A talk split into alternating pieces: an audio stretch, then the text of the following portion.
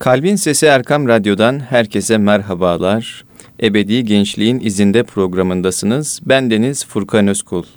Gençlerden, gençlikten, gençliğin hallerinden bahsettiğimiz programımızı Genç Dergisi editörü ve Uluslararası Genç Derneği Başkanı Süleyman Ragıp Yazıcılar abiyle birlikte yapıyoruz.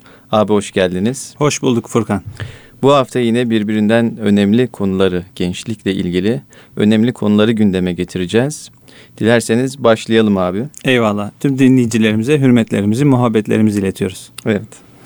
Ee, ilki yakın zamanlarda ailesinden ve çevresinden değer görmediğini, herhangi bir psikolojik sorunu olmadığını belirten 18 yaşında bir genç yakın zaman önce intihar etti. Diğer yandan dini ideolojik buyrukları önemseyip e, uçlarda yaşayan ve sonrasında ruhsal bunalımlara sürüklenen gençler de var. E, bu iki uç arasında ideal gençliği nereye konumlandırabiliriz?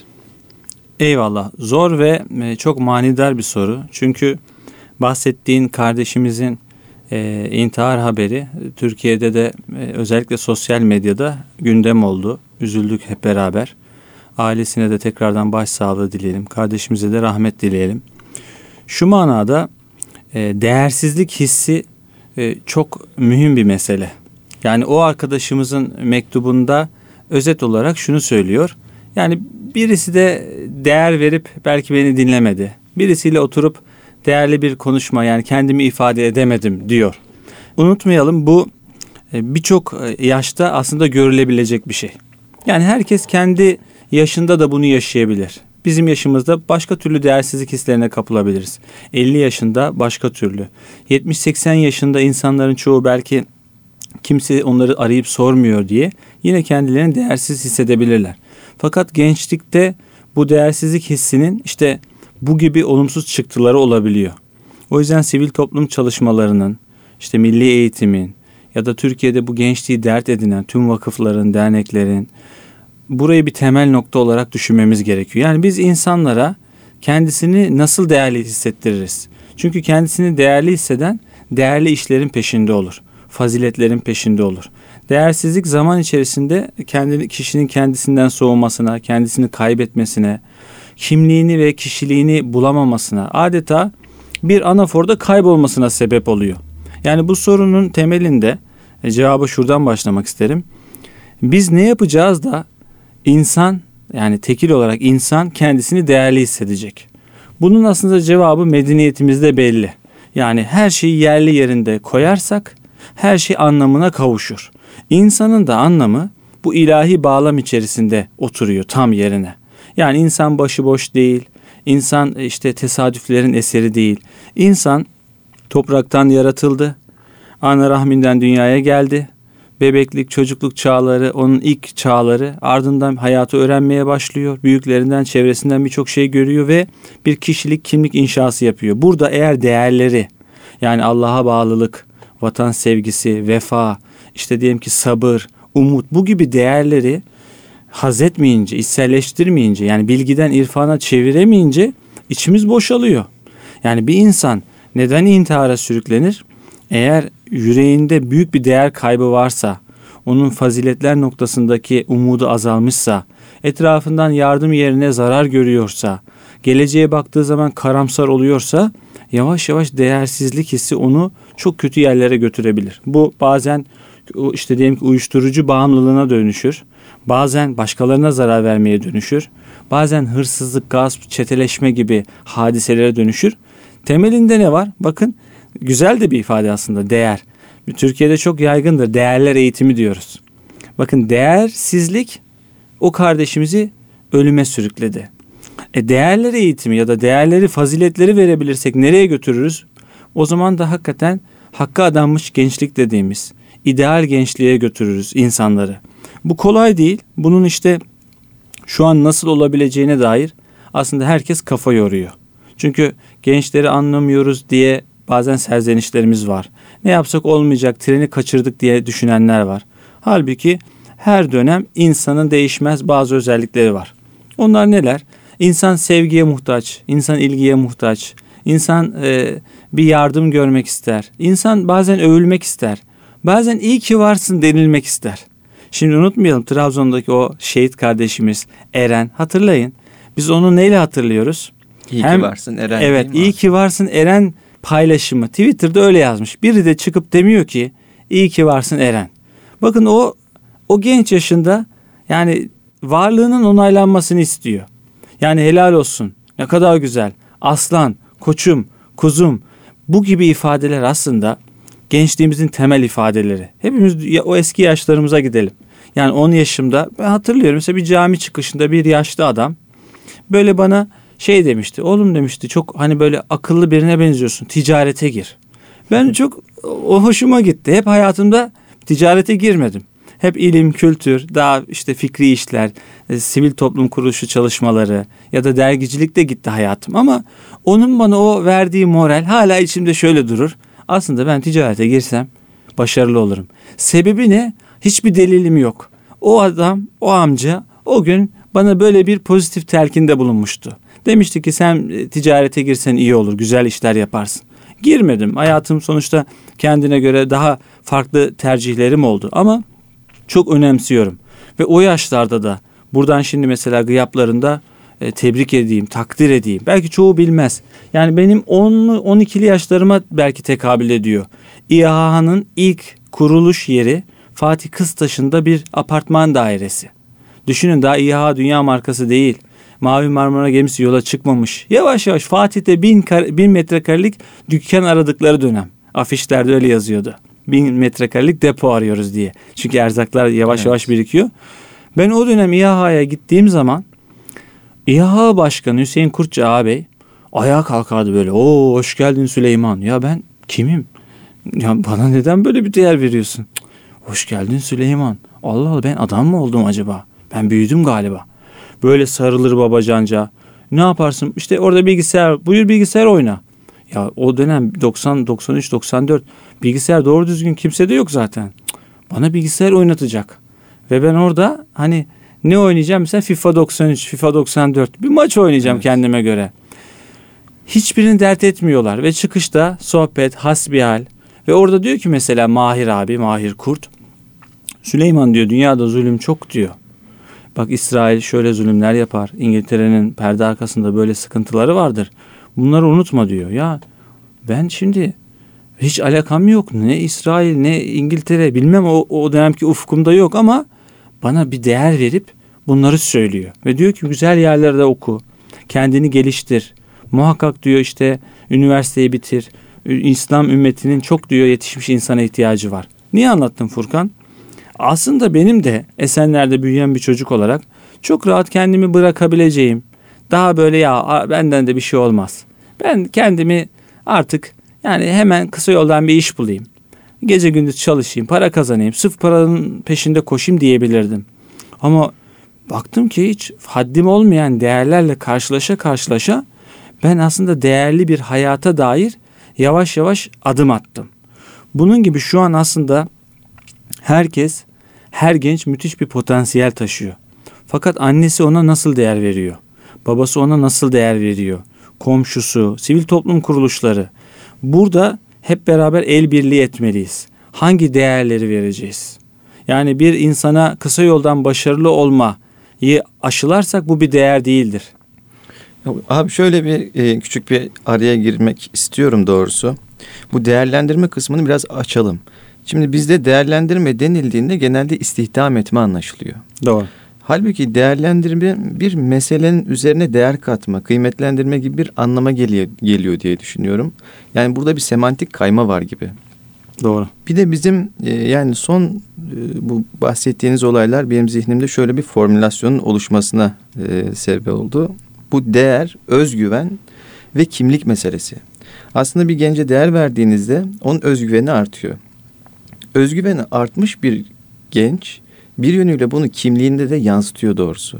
Aslında bu kısmı birazcık şöyle bir toparlasak Güzel. nasıl olur? O zaman bu bizim kendi medeniyetimiz açısından herkes çok değerli. insan olarak yaratılan herkes sonsuzluğa namzettir. Allah onu kul olarak yaratmış ve insan suretinde dünyaya getirmişse o min fakti ruhi ayetinin sırrıyla yani ona ruhumdan üfledim. Hepimizde potansiyel olarak o öz var.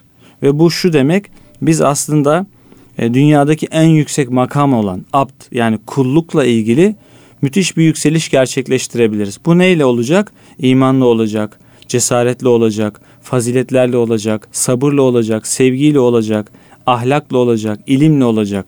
Şimdi bunların bulunduğu her yer güzelliğe gebedir, güzelliğe namzettir. Bunların bulunmadığı her yer cehalettir, karanlıktır, zulümdür, kötülüktür ve bunun türevleri. Yani ahlaksızlığa da çıkar bu kapı, amaçsızlığa da çıkar, kendini bırakmaya da çıkar, özgüven kaybına da sebep olur. Çünkü öyle kimlik nasıl oluşuyor? Ben kimim sorusuna doğru cevaplar vereceksin. Evet. Kişilik nasıl oluşuyor? Sende o kişilik değerleri varsa sen osundur. Yani Resulullah Efendimiz'e gelişi güzel elemin demediler. Öyle yaşadı. Kırka kadar elemindi. Yani ticaretinde, insani ilişkilerinde, sosyal çevresiyle münasebetlerinde emindi, güvenilirdi. Peygamberliği geldiği zaman ortalama olarak o toplumdaki değerler e, silsilesindeki yeri hazırdı. Yani bu insan güvenilir. Ben peygamberim diyorsa yani yalan söylemedi hiç. Hiç kimseye haksızlık yapmadı. Akrabalarını korudu. Yetimleri, fakirleri gözetti. Bu çok önemli. Değerlerin e, içinden konuşuyor ve en sonunda diyor ki ben peygamberim. Onun için çok önemliydi. Yani o aslında kişiliği ve kimliğiyle insanların da nazarında test edilmiş bir insandı. Şimdi biz bugün başta kendimize ve sonra da birçok genç arkadaşımızla ilgili değerlerimiz ne konuda bakacağız. Test edeceğiz ve hangi değer eksikse üzerine gideceğiz. Şu an diyelim ki gençler boş vakit çok harcıyor. Vakti öldürüyor. Vakti öldürmemesi için ona vaktin değerini ifade etmek lazım. İşte namaz kılmıyor. E namaz kılması için namazın gerçekten kılınmaya değer bir eylem olduğuna inanması lazım. Aksi takdirde namaz kılmıyorlar. İşte hayra koşmuyorlar. iyilik yolunu tutmuyorlar. E işte gafletle ömür geçiyor. E öyle. İnsan zaten bu. İnsan nisyan. Yani insan unutur, gaflete düşer, ötelere ilahi aşka yol almaz, namazdan kaçar, hayırdan uzaklaşır. İnsan cimri. İnsan kendine göre e, bu dünyayı hep bencilce yontar. Fakat faziletler, güzellikler ve ulvi hedefler varsa o zaman insan kendisini yontmaya başlar. Bugün o anlamda mefkure eksikliğimiz var. Yani çok aza razı oluyoruz Furkan. Yani çok basit hedeflerle yetiniyoruz. Hayır bizim bizim baştan aşağı bir daha tekrar düşünmemiz lazım. İslam nedir? Müslümanlık nedir? Bu hayat nedir? Bu kariyer nedir? Eğitimden maksat nedir? Anne ve baba nedir? Yaşamak ne içindir? Komşuluk hakkı nedir? Bunların hepsinin tekrardan anlamına kavuşturulması lazım. Birey birey, fert fert, şahsiyet şahsiyet. Bunu başarabilirsek dışarıdan artık fazladan telkine gerek yok. Yani artık o kendi içerisinde bir ateş yakmış demektir. Kendi içerisinde o ateşi yakana da uzun yollar kısalır veyahut da zorluklar kolaylaşır. Çünkü bu iş böyledir. Mesela hep görürdüm. Diyelim ki bundan 5 sene önce falan bir büyük markette diyorlar ki 17 e, mesela Kasım'da falan marka telefon satışa çıkacak. Piyasada 5000 lira, orada 3500 liraya çıkacak. E, sabah namazında sıra var. Şimdi bak değerli bir şey o. Evet. Çünkü telefon değerli ve ona elde edecek ve ucuza. O zaman sıraya giriyor. Ve sabah da kalkıyor. Annesi kaldırmıyor, kendi kalkıyor. Niye işim var yani değerli bir şeyin peşinden gideceğim. Aslında geceden sıraya girenler de var. Evet. Biz de o zaman şöyle. Biz bu anlamda değerli şeylerin peşinde gitmiyorsak ya değerlerinde problem var ya da bizde aslında büyük bir kalın gaflet gözlüğü, o işi yanlış anlamlandırman bir ölçek var, bir filtre var. Bunları tek tek uğraşacağız Furkan. Kolay değil. Kendi nefsimizde başlayacağız. Ailemize yayacağız ve bizim gibi insanlar için söylüyorum. Dergicilik yapıyoruz, sivil toplum kuruluşu yönetiyoruz. Biz her gence sen çok değerlisin ve bu değeri muhakkak açığa çıkarabilecek imkanlar var. Seni dinleyeyim diyerek başlayalım. Aslında motto çok güzel. Sen çok değerlisin. Bu önemli ve çok özel bir motto diye düşünüyorum. Öyle. Evet. Ve seni dinleyeyim dersen Gerçekten. sana kendini aktarırsa, içini dökerse bugün yapılabilecek en büyük gönüllü hizmetlerden biri budur. Çok muhteşem. Bir başkasını Evet, dinlemek. dinlemek. Ya hocam ne alakası var? Yani herkes birbirini dinliyor. Dinlemiyor. Herkes birbirini dinler gibi yapıyor. En yakın arkadaşlar dahi telefondan başını kaldıramıyor buluşmalarda. Ailelerde tanışma neredeyse çok az. Babalar çocuklarını tanımıyor. Kızlar annelerini tanımıyor. Niye? Biz de aslında akışa kapılıp gidiyoruz. Bir gence şöyle bir saat ya seni dinleyeyim dediğin zaman bambaşka bir açılım başlar. Sana kendisini açan yarın sana derdini de söyler. Sana derdini söyleyen yarın sunacağın çözüme belki de kulak kabartır. Sunacağın çözümün başarılı olduğunu gören yarın sana daha da güven ve daha da itimat edebilir. Daha da itimat ederse ve sen de onu daha da güzelliklere yönlendirirsen bu halka halka halka halka halka İslam ümmetinin bu kardeşlik halkasına gider. Çünkü Türkiye'de çok acı hadiseler yaşandı. Kimse kimseye yol ya da yön göstermesin isteniyor Furkan. Evet, evet. Bu da çok büyük Çok. bir handikapımız. Evet. Neden bu kadar genç değersizlik hissinde içerisinde? Çünkü sivil toplum kuruluşları, vakıflar, dernekler İslami dil yıprandığı için birçok noktada hayır tebliği dahi yapamıyor. Niye ülkemizde bir FETÖ örneği yaşandı? İki kişi birbirine hayır telkin ediyorsa arka planda şu adeta kötücül sorular var. Niye yardım ediyor? Hedefi ne?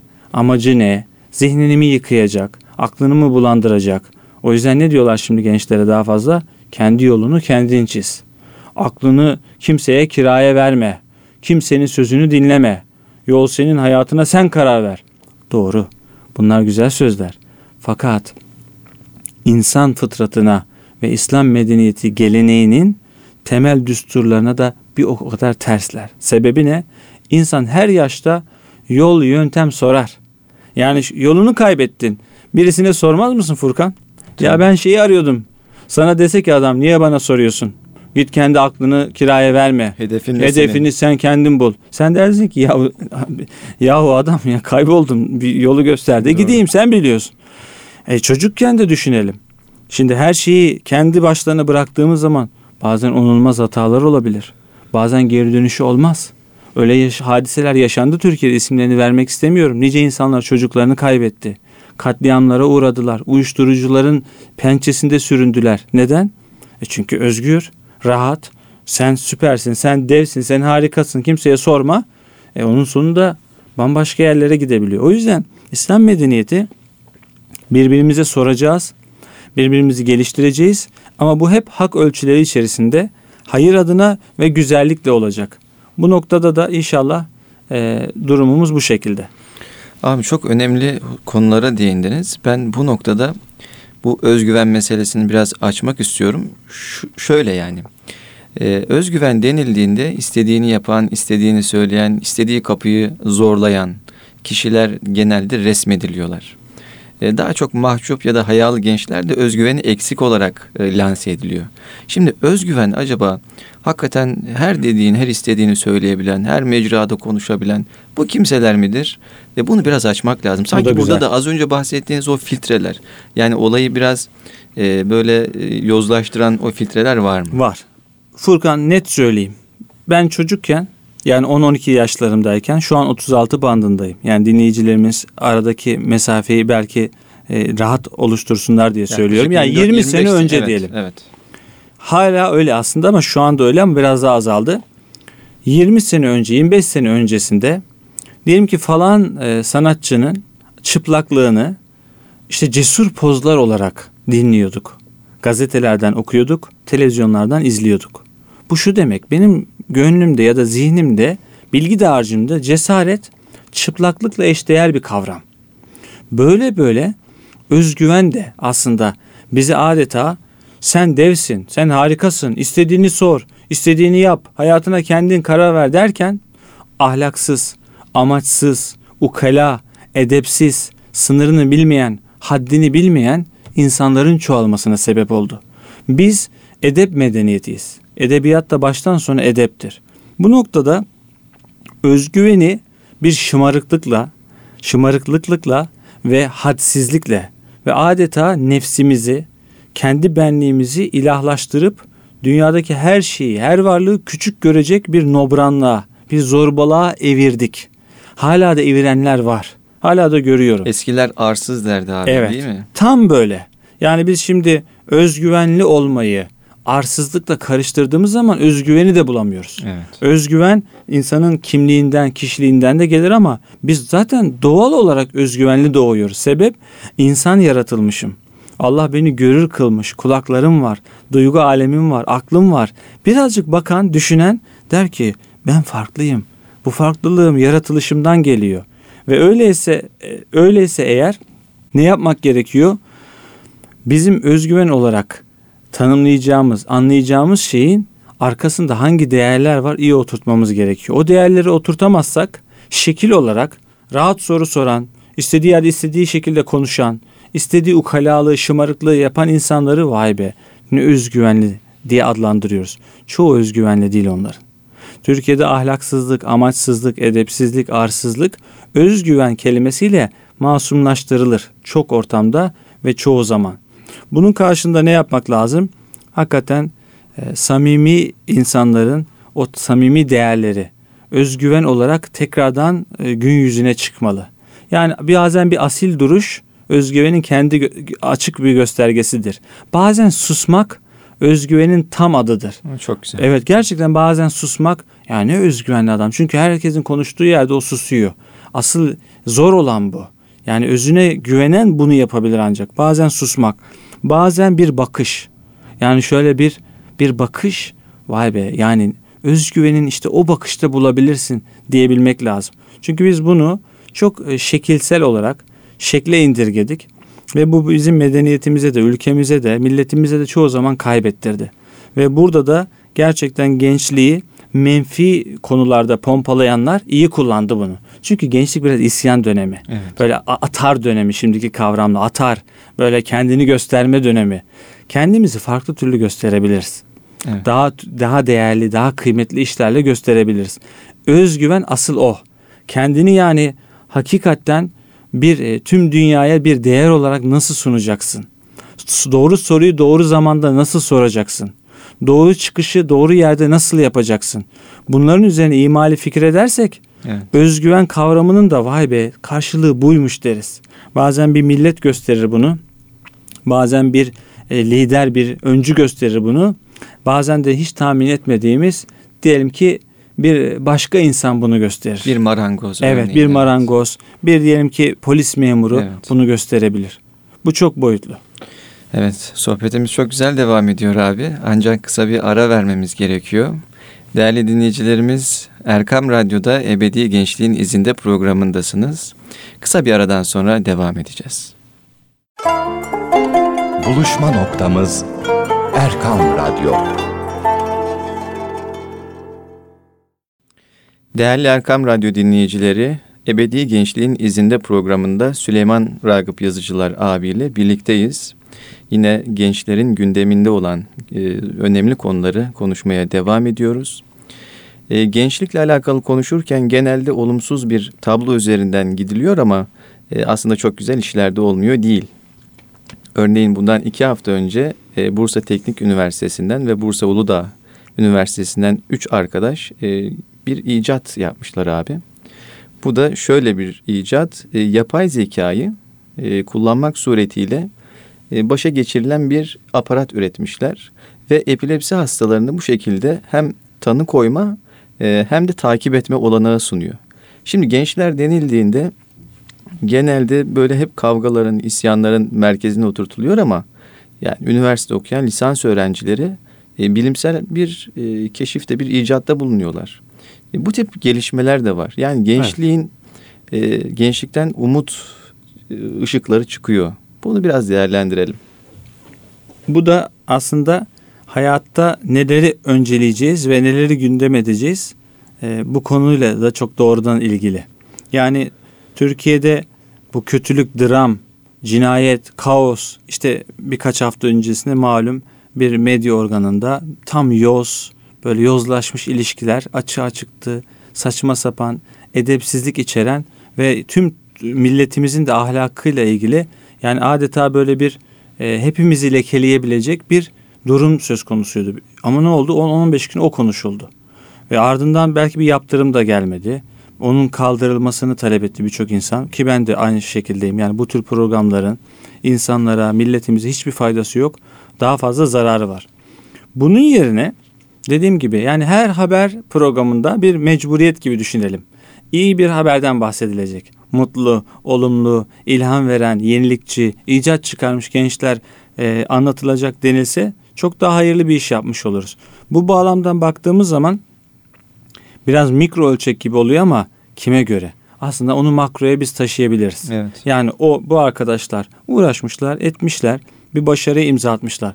O arkadaşlardaki o özün belki Türkiye'nin 20 yıl sonra yaşayacağı dünyadaki büyük bir virüs salgınıyla ilgili öncü aslında adeta koruma muhafızları olabilirler. Bunların örneği çok var. Bakın geçen Ordu'da sivil toplum kuruluşları buluştu. Büyük bir buluşmaydı. Biz de e, Genç Derneği adına SGSP ile birlikte Türkiye Gençlik STK'ları platformu ile birlikte oradaydık. Onlarca görüş, onlarca fikir, onlarca güzel şey. Dönüşte de hakikaten böyle bir saat, bir saat diyelim ki bir buçuk saat en fazla uçak yolculuğu. Baktım ekran var ne izleyeyim? Akıncı belgeselini izlememiştim. Karşıma çıktı. Yani Selçuk Bayraktar e, beyefendinin şu an başını çektiği o yani Akıncı'ya giden bizim Türkiye'nin sihaları dediğimiz İHA'larının hikayesini 45-50 dakika boyunca izledim. O kadar güzel ki aslında o da bir gençti. Yani gençliğinde elinde maket uçaklarla uçan biriydi belki o şey koşan evet, biriydi evet. belki de. Ve kendi o videosunda da yani o belgeselinde de onu görüyoruz. Yani fırsat verilirse 10 sene sonra 15 sene sonra falan fırsat verilmese onu görmeyecektik.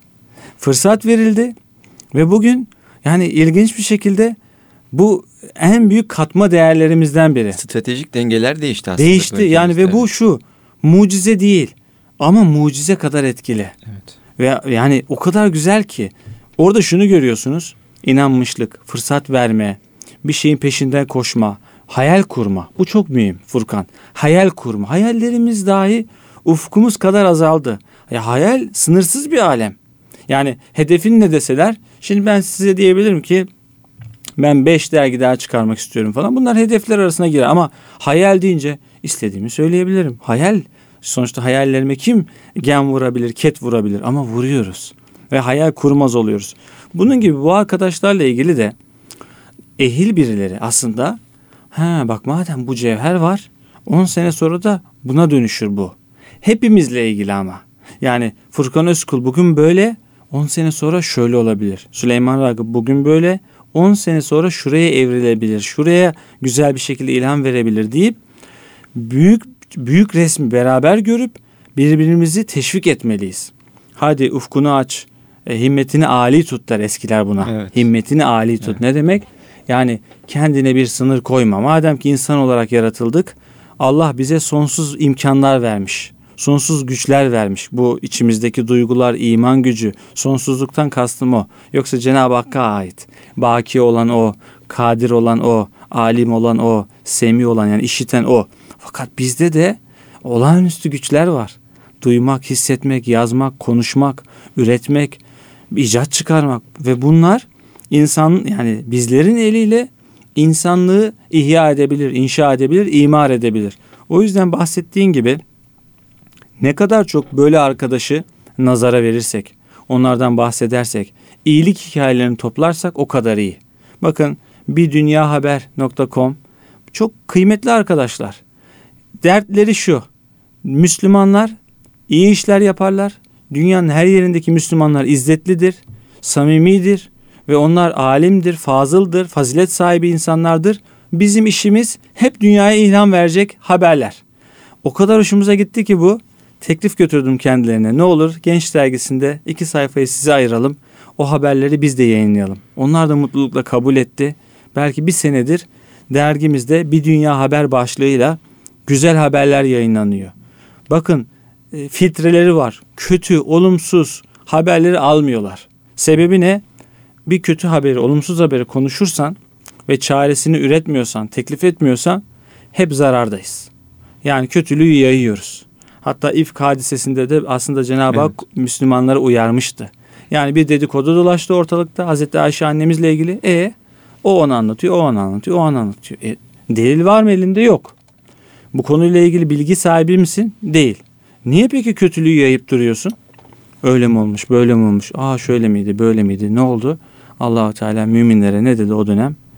Dedi ki bu çok büyük bir şey. Yani çok büyük bir vebali var bunun. Bu işe ortak olmayın.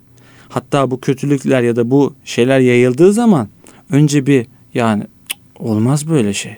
Asla. Yani buna inanmam. Çünkü mümin müminin arkasında durur. Yani Furkan şöyle bir şey yaptı. Evet evet zaten onu bekliyordum ben. Onda ben bir yamukluk hissetmiştim. Ya Furkan vay be o dersem bu benim de tıynetimi gösterir. Yani senin düşmeni bekliyorum.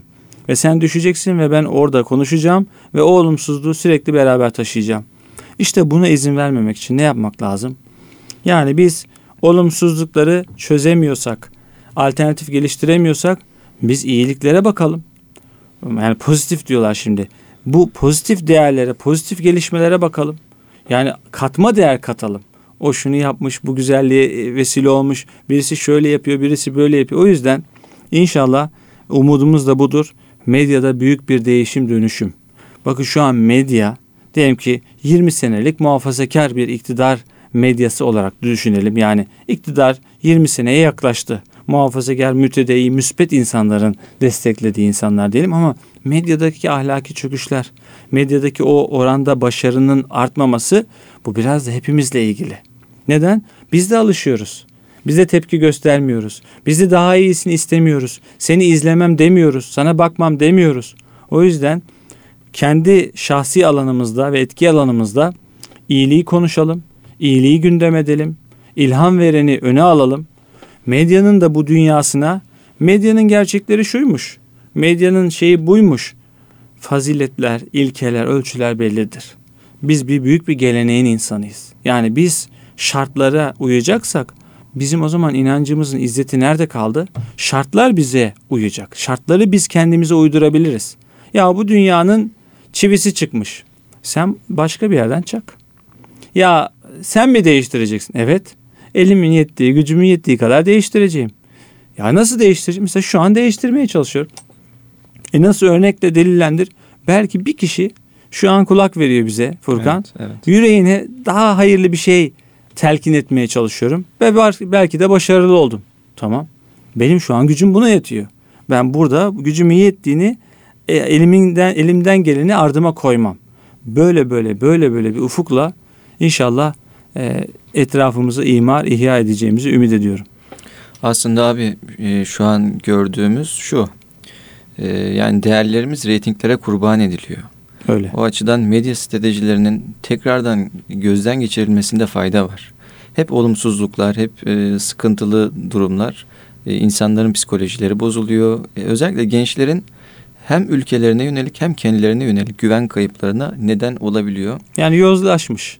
Evet, yozlaşmış yozlaşma. katilleri arıyoruz. Yani. Yozlaşmış ahlaksız ilişkileri konuşuyoruz. Maalesef. Yani bunların çözüm yeri medya değil Mesela ki. Mesela abi kimse e, Samsun'da gönüllü gençlerin ilk adım ilçesinde e, bir ilkokulu e, tamir etme, boyama, işte öğrencilere boyama kitapları dağıtmasını e, ve o bölge halkına maske dağıtmasını haber yapmıyor. Mesela şu an biz onu gündeme getirelim ve onları tebrik edelim. Evet. E, gerçekten bu çok önemli bir çalışma. Bir köyde yapılmış belki bu çalışma ama e, benim dikkatimi çekti. Biraz basını taradım ne var ne yok diye. Bu haberler hep hani dijital medyanın arka tarafında atma olarak tabir ediliyor. Ön görünen yüzde, manşette, sür manşette ya da yatay kısmında gözükmeyen ama işte bir yerlere fırlatılmış haberler olarak görülüyor. Ancak girdiğimiz zaman Google'dan bulabildiğimiz haberler. Halbuki bunlar tepelere taşınsa, bu genç gönüllü arkadaşların yaptıkları faaliyetler e, daha fazla insana ulaşsa bu etkileşimi de artıracak. İyilik Doğru. bağlamındaki etkileşimi artıracak. Doğru. Bir güzel haber daha var. E, Gaziantep Büyükşehir Belediyesi'nin yapmış olduğu bir e, etkinlik haberini vermek istiyorum. Daha daha çok bunun üzerine konuşmak istiyorum aslında. Birkaç sorum var. Buyur. Gaziantep Büyükşehir, Büyükşehir Belediyesi 15 Ekim tarihinde e, Kavaklık Park'ta 3000 gençli bir organizasyon, bir etkinlik gerçekleştirdi. E, etkinliğin adı Gençler Kitap Okuyor. 3000 genç de Kavaklık Park'ta e, bir kitap okuma etkinliği düzenlenmiş. Sosyal mesafeye dikkat etmek suretiyle yapılmış. Amaç da gençliğin okuma alışkanlığı elde etmesine yönelik bir çalışma olduğu ifade ediliyor. E, bu bence çok güzel bir şey. Yani gençler kitaplarını almışlar. Açık havada, havada gayet güzel. Kitaplarını okuyorlar. Bu bağlamda belki şunu sormak lazım. Gençlerin kitap okuma alışkanlığı yani e, nasıl kazandırılabilir veya öncelik kitap okumakta mıdır?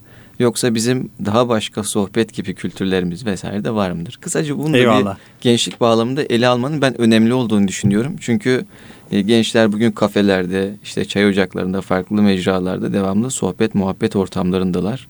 E, belki kitap okumakla e, muhabbet etmek arasında nasıl bir paralellik var ya da ayrıştıkları Doğru. noktalar neler? İstersen şöyle yapalım Furkan. Bugün kitap bölümünü konuşuruz. Belki vakit yetmez. Sohbet de çok kıymetli bir konu. Evet. Yani sohbet meclisi, kadim geleneğimizin en önemli yüz yüze hal transferi diyoruz. Bilgiden daha çok irfana dönüşen adeta bir büyülü atmosferden bahsediyoruz.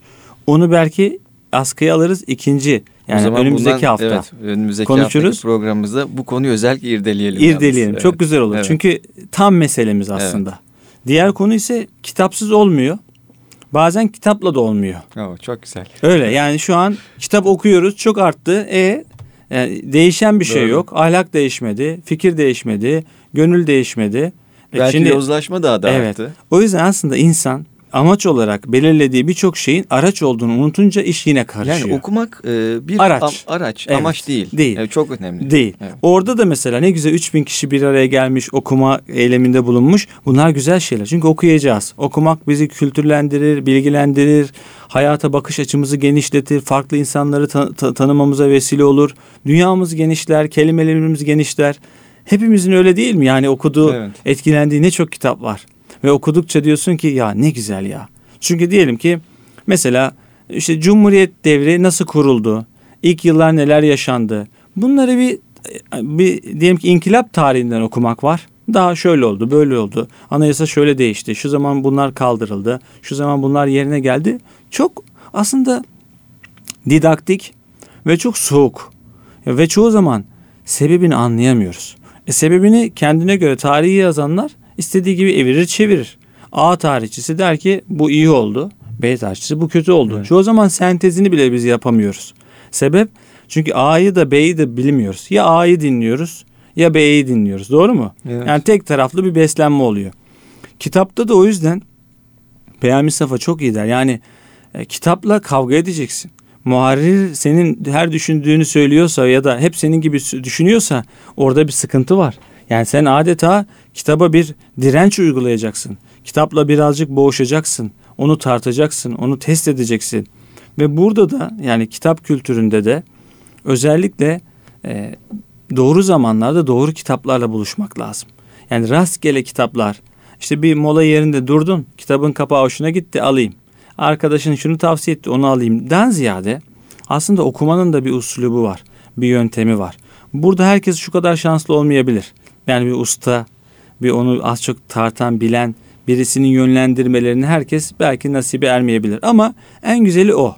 Yani gerçekten çevresindeki yani genç arkadaşlarım için söyleyeyim. Çevresindeki ilim, kültür, fikir adamlarına kendilerini anlattıktan sonra yani aslında yüreklerindeki soruların cevabı olabilecek çok kitap var. Biraz önce dediğim gibi inkılap tarihinden tarihi okursan çok şey oturmaz. Ama bir de edebiyatçılardan okusan, bir de romancılardan, hikayecilerden okusan o dönemle ilgili dersin ki o hayatın içinde neler olmuş. Sosyal değişimler nelermiş. Diyelim ki e, Refik Halit Karayındı sanırım. Üç Nesil Üç Hayat isimli kitabı. Yani diyelim ki o üç dönemi anlatıyor ama sosyolojik bakışıyla anlatıyor. Yani nasıl değişti? Hangi oyuncaklar yerini neye bıraktı? İşte hangi halk oyunları yerini nasıl bir mahalle gösterilerini terk etti? İşte televizyon nasıl nereden nereye evrildi gibisinden birçok şeyi böyle kitaplar vesilesiyle daha kolay bir şekilde öğrenebiliriz. Aslında o değişimden ziyade dönüşümün fayatlarını da çok güzel görebiliyoruz o, o tür kitaplarda. Yani o oyuncaklar Doğru. üzerinden veyahut da e, gündelik hayatta kullanılan dil üzerinden o fay hatlarını, o geçişleri çok güzel yakalama imkanı e, bulunuyor. Buluyoruz. Ancak e, az önce bahsettiğiniz tarzda yazılan didaktik tarih kitaplarında e, böyle bir imkan söz konusu değil. Soğuk, sanki arşiv belgeleri okuyormuş gibi birazcık da ideolojik yönlendirmelerle süslenmiş eserler. Çok Mukayeseyi de yapamıyoruz. Yapamıyoruz. Evet. Temiz kabiliyetimiz yani doğru neydi, yanlış neydi? Yani neden oldu, nasıl oldu, niçin oldu? Sonucun neye tekabül eder?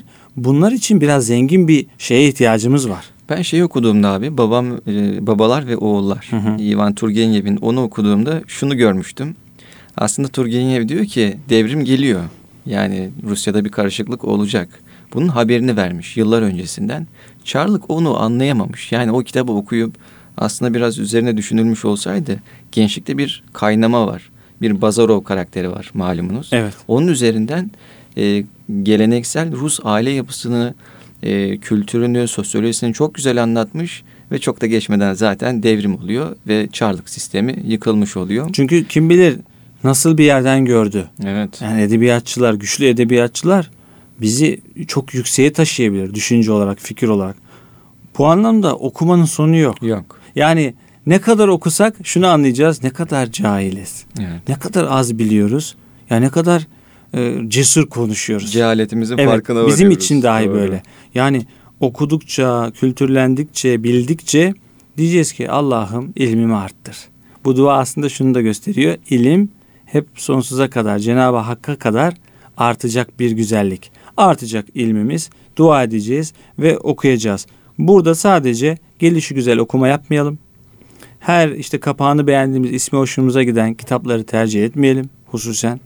Binde bir belki iyi çıkar ama bu şey gibi yani çok güzel bir şeker görüyorsun dışarıda ama kim bilir ne gıda maddeleri var evet, içinde, evet. hangi şey boyalar var ve hatta bir yasal izni var mı? Merdiven altında mı üretildi? Tasarıma aldanmamak lazım evet. diyorsunuz. Tasatıma, imaja, imaja ya evet. da bu çok satanlara da aldanmamak evet, lazım. Bunlar önemli. göstergeler değil. Niye bir mesnevi şerif diyelim ki 600-700 senedir bu milleti besledi. İslam ümmetinde farklı coğrafyalarında okundu. Çünkü yani bir kitap yazayım edası yoktu. Orada başka bir şey oluyor. Kur'an-ı Kerim de son etapta bakarsak kitap şu an. Doğru mu? Evet. Kitap haline getirildi. Yani kitap az buz bir şey değil. Yani şu an bir medeniyetin temel direği. Evet. Yani biz İslam ümmeti kitap ümmetiyiz. Peygamber Efendimiz önünde kitap haline getirilmedi ama fark etmez. Bir okuma biçimi olarak biz onu dinledik. Gürül gürül yağdı. Kalplerde bekletildi, sinirlerde hazmedildi.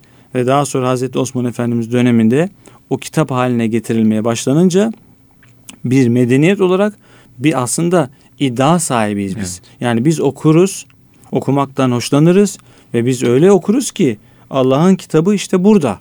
Haydi meydanda okuyoruz dünyaya. Bu Allah'ın kitabı değildir. Ya bu kitabın e, ne olacak? Ben de yazarım diyorsan buyur. Hadi bakalım hodri meydan. Bu anlamda biz gerçekten yani çok muhteşem bir e, iklimde de bulunuyoruz. Yani muhteşem öyle bir, bir özgüven ikliminde. Evet, öyle bir kitap var evet. ki elimizde meydan okuyor Doğru, çağlara. Çok önemli. Onun dışında e, oradan ilhamını alarak fizyolojide, astrolojide, sosyolojide, psikolojide yani gidelim. Çünkü Allah ilmi sonsuza kadar artırılması yani kıyamete kadar affedersiniz artırılması gereken bir değer olarak önümüze koyuyor. Allah'ım ilmimi arttır. Allah'ım ilmimi arttır. Bu ne demek? Yani eskilerden daha çok bilebiliriz şu an. Daha ileriye gidebiliriz. E nasıl gideceksin? Şimdi ben her dakika diyelim ki bir büyük kıymetli zatla yan yana olamam. Ama kitabını açıp okurum. Bugün açsam diyelim ki İmam Gazali ile yan yanaymışım gibi olur. Evet. Bugün açsam diyelim ki e, Bediüzzaman Efendi ile yan yana berabermişim gibi olur. Bugün açsan diyelim ki tarihi bir kıymetli şahsiyetle böyle diz dizeymişsin gibi olur. Okumadan bu anlamda rahle-i tedrisat da eksik kalıyor. Yani dizinin dibine oturamıyoruz büyüklerin okumadan. Şimdi abi Allah'ım ilmimi arttır duasını birkaç defa söylediniz. aklıma şu geldi. Allah'ım sorularım var. Ee, şimdi Genç Dergisi 15. yılına girdi. Ee, yeni abone olacak kişilere bildiğim kadarıyla bir sürprizi de var değil mi? Evet. Soner Duman. Evet. İstersen bahsedebilirim. De. Hocam evet biraz onu... Bu da güzel oldu aslında. Abi. İyi bağlamış oldun Furkan. Teşekkür ederim. Çünkü bu da önemli. Çoğu zaman sahte mal satanlar bile malını bağırayarak pazarlar. Evet. Buyur der, alın der. Pazarlarda da görürüm. Yani çok iyi değildir ama adam bir vavelaya veriyor ortalığı. Allah Allah diyorsun. Bu sene Genç Dergisi 15. yılında çok kıymetli bir eser hediye edecek abonelerine. ben Deniz'de Genç Dergisi editörü olarak yani malımı övmekle ya da işte bu kendi ürünümüzü e, yüceltmekle bir yere varamam bunu bilirim. Ama samimi bir yürekle ve ben de bir okuyucu olarak şunu söylemek isterim. Profesör Doktor Soner Duman Hoca gençlerin zihnindeki birçok soruya ilimle, hikmetle, özenle cevaplar verdi. Soner Duman Hoca hakikaten maşallah bir velut bir kalem ve e, yazdıkları hayatın içinden hayata dair ve cevaplarında bir üstenci, üst bakış yani bu soru da böyle mi olur? Ya bu soruya cevap bile verilmez demiyor. Türkiye'de deizm, ateizm tartışmaları çok. Şu an genç insanlar savrulabiliyor, evrilebiliyor. Bazen kızıyorlar. Yani öyle bir şey yok. Siz de konuşmayın, kapatın konuyu. Yok, var böyle bir şey. Bu şöyle bir şey. Yani insanlar inançlarını sorgularlar. İnsanlar zaman zaman Allah'tan, peygamberden, maneviyattan uzaklaşırlar. İnsan budur zaten. Düşer, eksiktir, hatalıdır, gaflete düşer. Şeytanı var, nefsi var. Biz böyle bir mücadele alanı içerisinde yaşıyoruz. Yani toz pembe bir dünya yok. Müslüman ülkede doğduk. Harika bir şekilde Müslüman yaşayacağız. Böyle bir belge garantisi olan yok. Sorgulama, sorma, merak etme, neden demek, niçin demek insan fıtratında var. Evet. Bu 15'li yaşlarda başlar. Neden dünya böyle? 16'da Allah gerçekten var mı? 17'de Peygamber Efendimiz acaba hani işte bazı yanlışları var mı? 18'de ya işte İslam diyorum ama başka dinlerde hakikat olabilir mi? 19'da ya ben aslında bir kaosun, bir absürtün, bir saçmanın eseri olabilir miyim? Yani bir yaratıcım yok ve ben bir kaosun eseri olabilir miyim? Bunlar en basit düzeyde şu saydıklarım. Daha derin, daha sıkıntılı, daha insanın adeta ayaklarını kaydırabilecek onlarca sorusu var insanların. Bu sorulara İslam hikmetle, ibretle, ilimle, güzellikle, mukayese ölçülerini koyarak akıl yürütmelerle, mantıkla cevap verir. Ve bu cevaplar insanın önünü açar, rahatlatır. Şöyle düşün. Mesela ben hatırlıyorum 15 yaşında mı neydim? Böyle çok aklıma böyle şüpheler geliyordu yani. Ya da böyle diyelim ki kutsalla, mukaddesatla ilgili diyelim ki olumsuz düşünceler. Ya kimseye açamadım. Utanıyorum, korkuyorum. Ya niye dinden mi çıktım? Yanlış mı yapıyorum? Günaha mı giriyorum? O dönem mesela Mustafa Hoca, yani böyle Mustafa Hoca diyorum ama benden belki 5 yaş büyük ama alim fazıl bir zat bana göre. Evet. Çok kıymetli. Biraz ona bahsettim. Süleyman ne kadar güzel ya dedi. Sen dedi e, bu imanına, İslam'ına şehadetlik eder dedi. Sen dedi sorgulamaya başladıysan hakikate ulaşacaksın falan. Ya bir rahatladım, bir hoşlandım. Dedim ki işte bu ya. Ondan sonra üstüne üstüne gittim ve sordukça, daha zor sordukça daha güzel cevaplar almaya başladım. Ve o cevaplar beni daha iyi teskin etti ve daha güçlü oldu. İman kemal bulmaya başlıyor. Evet çünkü şöyle düşün. 200 soruda yıkıldın, yamuldun, hmm. korktun, geri bastın. E o zaman sende şey olur mu? Öyle düşünelim. O ilk e, hicreti hicret yapanlar evet, Habeşistan'a, evet. o genç sahabeler. O soruyor, dini ne emrediyor diyor. Orada yani öldürülmek an meselesi. Ama e, şöyle şöyle cevap veriyor. Hikmetle cevap veriyor. Hazreti İsa Efendimiz böyledir diyor. Peygamberimiz bize şöyle anlattı diyor. O daha zor soruyor. Ona da daha güzel hikmetle cevap veriyor. O soruları kendine sormasaydı o cevapları verebilir miydi? Veremezdi. O yüzden biz de bu anlamda İslam ümmeti olarak soru ümmetiyizdir. Yani merak ümmetiyizdir. Meraklıyızdır. Soru sorarız, anlamaya çalışırız. Hikmetin hikmetin peşinde koşarız. Fakat bu teslimiyet, muhabbet buralarıyla ayıran ince hassas noktalar vardır. Burayı belki bugün bu kadar olmaz. Yani açamayız belki çünkü vakit yetmez ama biz bir yerden sonra da zaten o sorgulamaların, o merakın sonucunda da imana gelirsin. Teslimiyete gelirsin. Dersin ki Rabbim sensin ya. Doğru ya dersin. Şu an mesela senin mesela yaşarken Furkan çok rahatsın. Şu an mesela niye kalp krizi geçireceğinden dolayı bir panik yaşamıyorsun, korkmuyorsun? Çünkü vücudunla ilgili bir bilgilerin var ve en sonunda sana şunu söylüyor. Böyle bir korkuya gerek yok. Evet. Niye? Ama bunun cevabını sana kim verdi? Yani işte bunun aslında bir garantisi yok. Ama Her şey iyi, artık inanıyorsun evet. buna. Diyorsun ki ben ya sağlıklıyım. Allah fıtratına koymuş o şeyi. Yani deneyimlerimiz. Evet. evet. İmanda da böyle. Doğru. Yani belli bir aşamadan sonra diyorsun ki iman ettim. O zaman orada belki daha az soru olabilir. Orada belki daha az merak olabilir. Ama iman boyutlarında. Ve teslimiyet de var. Evet. tabii. Çünkü şöyle diyelim ki sevgi, aşk, muhabbet bunlar da zaten soru sorgulama bitiyor. Bir aşığa sorar mısın? Neden sevdin? Neresini sevdin? Niye sevdin? Öyle sormuşlar, sormuşlar ya Mecnun'a. Ya bu Leyla'nın neresini seviyorsun? Evet. Çok da güzel değil. O demiş ki siz susun. Siz Mecnun değilsiniz demiş. Evet. Yani siz benim gördüğümü göremiyorsunuz. Ama ona orada soru sormak ayıp olur. Me- Mecnun'u niye seviyorsun? Ya sen e, şey affeder Leyla'yı niye seviyorsun? Ben baştan aşağı Leyla oldum diyor zaten. Evet. Yani bana daha e, Le- Mecnun Leyla ikilik de yok ki ortada diyor. O kadar aşığım ki diyor. Bu soru diyor. Yani hakaret bana diyor. Fenafi Leyla. Evet. İmanda da bu anlamda biz imani şüpheler anlamında sorularımızı tamamlarız. İmanda yürürüz. Muhabbet aşkla yürürüz ama dünyevi anlamda gelişme nasıl olacak? Şu icat nasıl olacak? Şu nasıl yapılacak? Bu soruların haddi bitmez. Çünkü Allah ilmimi arttır diyor. Bugün şimdi mesela koronavirüs. Biz şey mi diyeceğiz? Biz Müslümanız. Elhamdülillah. Ya bunu nasıl çözeceğimizi sormayız. Bu Allah'tan geldi. Sabrederiz. Hiçbir Müslüman hakiki Müslümansa böyle demez. Evet. Biz deriz ki Allah'ım bu sendendir. Hayır ve şer sendendir. Ama nasıl çözeceğim? Nasıl atlatacağım? Nasıl tedbir alacağım? Nasıl bunu yeneceğim? Bu benim imanımın gerektiği getirdiği sorulardır. Bazıları cambazlık yapıyorlar. İşte Müslümanlar sormaz, düşünmez, Evet. akletmez. Kusura bakmayın. Biz aşığız. Biz sevdalıyız. Bizim içimiz kaynıyor. İman noktasında bin tane soru sor. Hiçbir hepsi benim için havadadır. Ama dünya, dünyaya taalluk eden meselelerde ilimdir, bilimdir, inkişaftır. Sonuna kadar gel. Ben bende daha fazlası var soruların. İstersen sen bana takıl diyebilme cesareti göstermemiz lazım. Evet abi çok güzel devam ediyor sohbetimiz. Dilerseniz bu kısmı da önümüzdeki hafta birazcık daha devam ettirebiliriz. Eyvallah. Yani onu vurgulamak istedim aslında. çok Sözü önemli. uzattım. Estağfurullah. Soner Duman hocanı, hocanın kitabı bu. Allah'ım sorularım var. Genç dergisine hedi, abone olanlara hediye edilecek. Çok güzel bir kitap. 272 sayfa.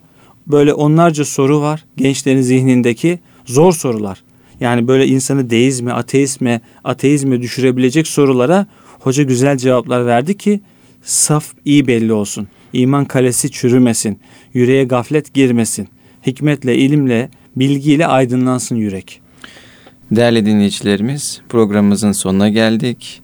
Ee, önümüzdeki hafta görüşmek üzere. Sağlıcakla kalın. Hürmet ve muhabbetle.